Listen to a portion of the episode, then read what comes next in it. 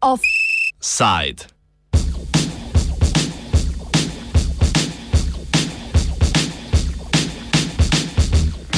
Prostorske spremembe prostorskega zakona.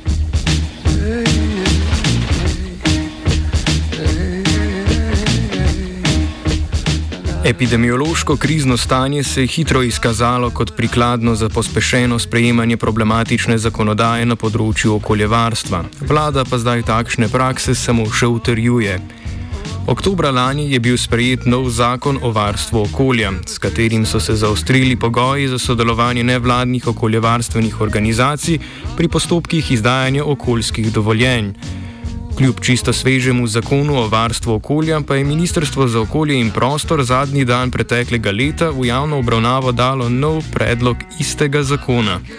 V tej novi različici ministrstvo načrtuje nadaljno izločitev nevladnih organizacij iz ključnih okoljskih postopkov.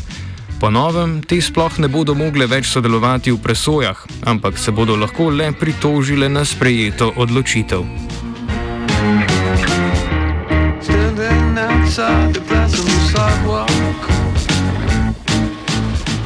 Usporedno s histeričnim izdajanjem novih predlogov zakona o varstvu okolja pa je prišlo do tihega spreminjanja zakona o urejanju prostora, o katerem bomo govorili v današnjem offsajdu.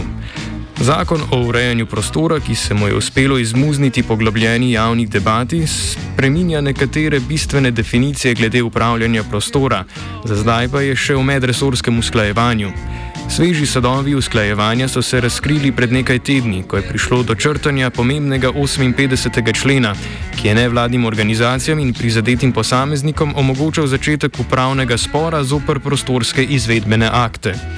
Če se ta člen dokončno eliminira, bo nevladnim organizacijam in civilni inicijativi praktično oduzeta kakršnakoli beseda pri oblikovanju prostorskih izvedbenih aktov, pove Aljoša Petek, pravnik za področje varstva okolja in urejanja prostora iz Pravno-informacijskega centra nevladnih organizacij.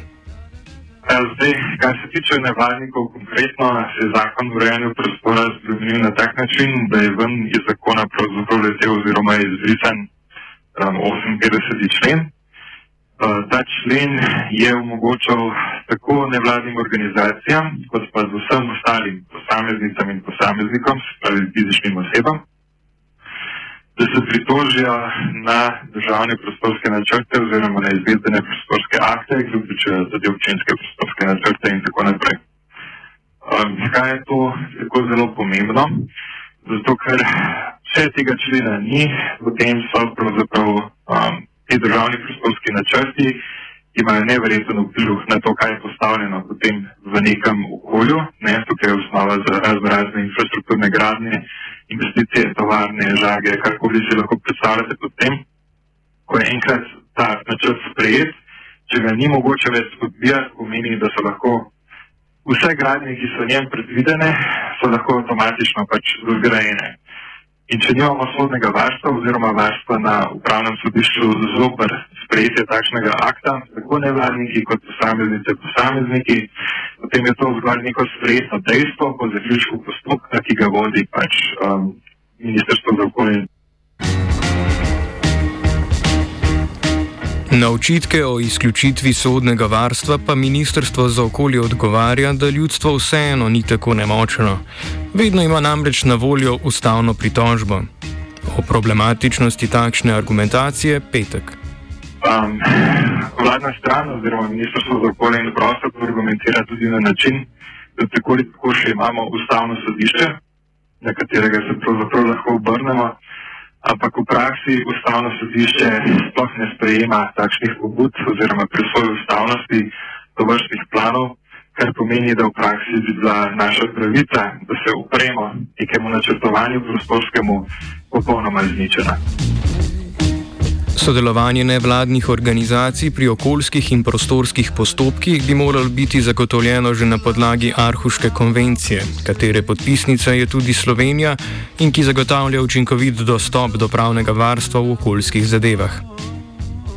Um, kdor je stranski udeleženec v teh postopkih, ima dostop do vsega gradiva v prvi vrsti, ima tudi pravico, da podaja različna mnenja, stališča, pravzaprav na ta način oplemeniti ali pa doda k temu projektu, ki je predviden, ne, da predstavi tudi ta nasproten argument.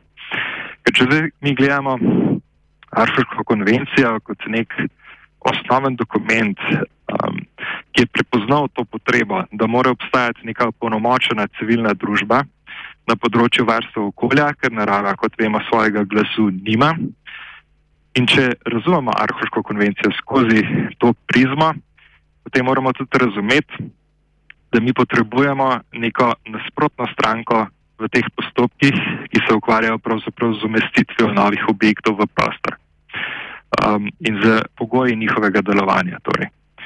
Um, civilna družba je tista, ki ne razmišlja kratkoročno, ki ne razmišlja z vidika investitorja ne, in teh kratkoročnih koristi. Um, in zavedajmo se, da pač um, oblast pogosto ravna v korist ne, investitorjev, razmišlja kratkoročno, tako zaradi političnih kot finančnih razlogov.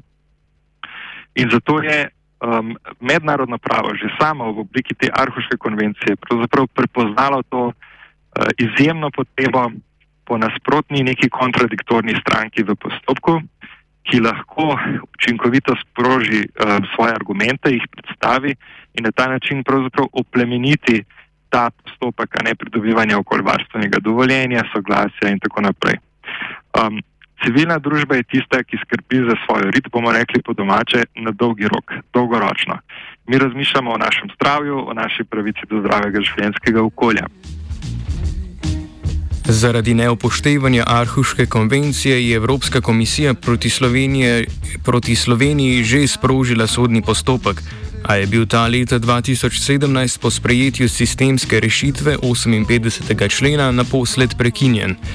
Petek ob sprejetju zakona brez omenjenega člena napoveduje novo tožbo zoper Slovenijo. Pa je pa dejstvo, da ta dva zakona pravzaprav še nista um, v veljavi, da čakamo, kaj z njimi bo. In da, ko pride to v veljavo, še posebej, kar se tiče zakona o urejanju prostorov, če bo sprejet takšen kot je, pravi brez 58. člena, bomo seveda se obrnili na Evropsko komisijo, ki je zopr Slovenija zaradi tega že vodila postopek. Prav tako, kar se tiče zakona o varstvu okolja, um, se bomo verjetno zadeve lotili na podoben način.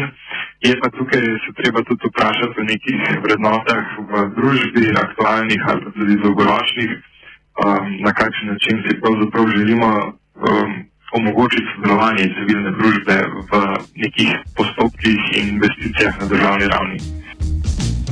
Na odsotnost vloge mnenje dajalcev oziroma naravovarstvenih organizacij pri okoljskih in prostorskih postopkih v imenu Inštituta za politike prostore, koordinatorja mreže za prostor, opozarja tudi pravnica Senka Šivkovič Vrbica.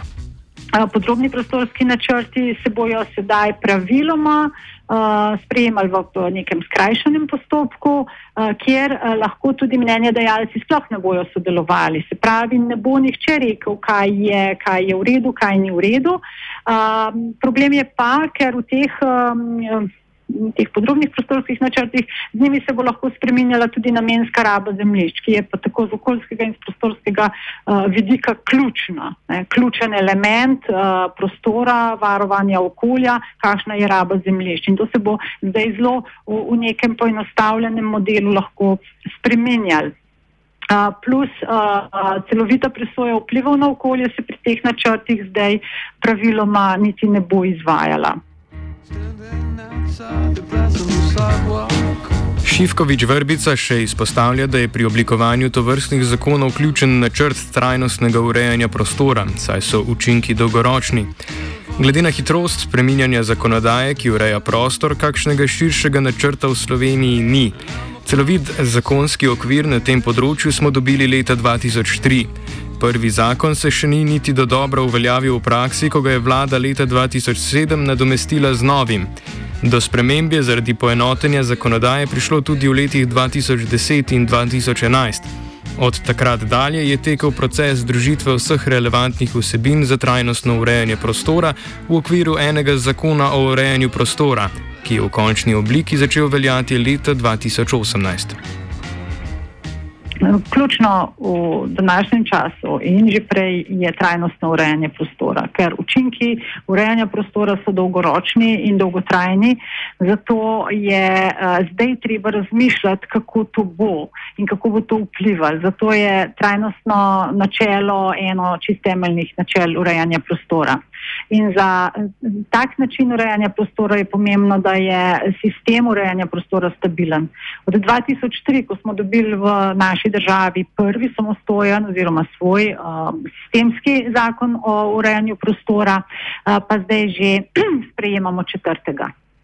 Uh, uh, kar pomeni, um, da se sistem stalno spreminja, poimenovanja se spreminjajo, režimi, postopki se spreminjajo in to je za vse, ki sodelujejo v teh procesih, uh, zelo težavno.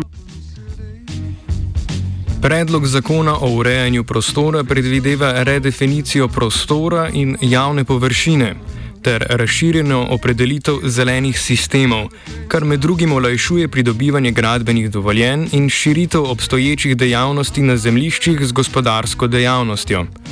Definicija prostora, ki se je do sedaj brala kot skupek fizičnih struktur na zemeljskem površju in pod njim, ki ga tvorijo poselitveno območje in krajina v medsebojnem prepletanju, ter morje se sedaj glasi zgolj kot preplet poselitvenih območij odprtega prostora in morja.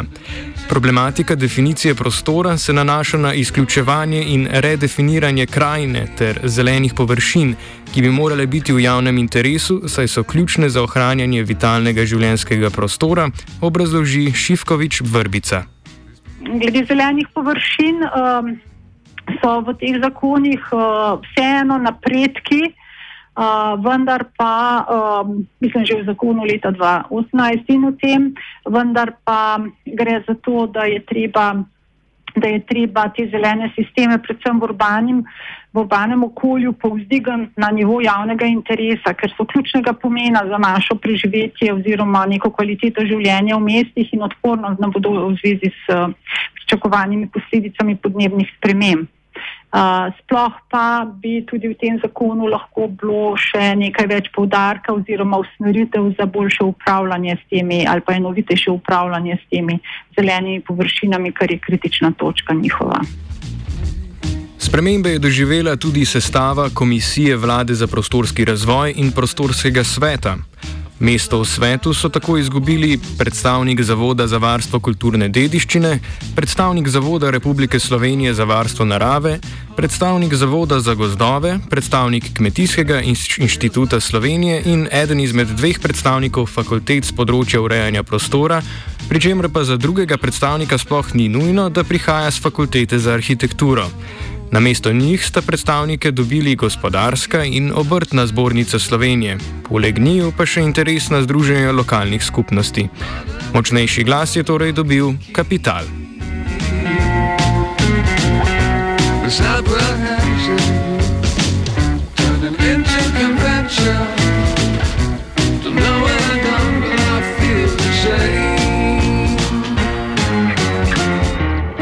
Docentka dr. Alma Zavodnik Lamovšek z Fakultete za gradbeništvo in geodezijo opozarja na preuranjenost spreminjanja zakonodaje, ki bi morala biti pogojena z družbenimi in prostorskimi potrebami.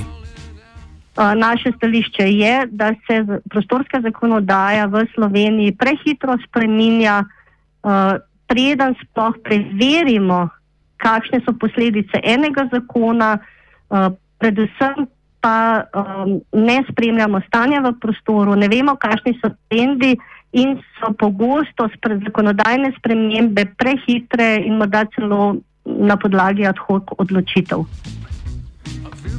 Nerazumnost novega zakona, ki ne zagotavlja sistemskih sprememb, izpostavlja tudi Šivkovič Vrbica. Od leta 2018 smo dobili nov zakon o urejanju prostora, ki je poskušal nekako preteklo zmedo uh, popraviti in spet uh, postaviti neko celovitost. Uh, zelo dolgo se je tudi pripravljal in bil, priprava je bila dovolj vključujoča, tako da smo bili nekako z njim zadovoljni. In zdaj imamo na mizi že novega, pri čemer ni utemeljitve, zakaj, kakšne so potrebe v družbi in prostoru, ki narekujejo nov zakon. Ker, če ga pogledamo, gre praktično za popravke uh, istega zakona. Ne gre za neke sistemske spremembe, ampak za le toliko številnejše popravke, ki pa vodijo predvsem uh, v mnogo čem k razgradni uh, sistema urejanja prostora in pa njegovi nepreglednosti. Nove definicije in opredelitve bodo zakonu o urejanju prostora prinesle več preglavic kot razumnih in dolgoročnih rešitev, ki jih Slovenija nujno potrebuje za trajnostni razvoj. Veliko, veliko določil se nanaša na neka nova odstopanja, neke nove izjeme, ti se množijo uh, in uh, kar pomeni, če bo prostorski načrt ali pa urejanje prostora od zgoraj uh, še zgledal nekako koherenten, uh, bo pa od spodaj pod njim uh, polno, polno nekih izjem, ki vprašanje, kako se bojo vključili nazaj v celovit sistem.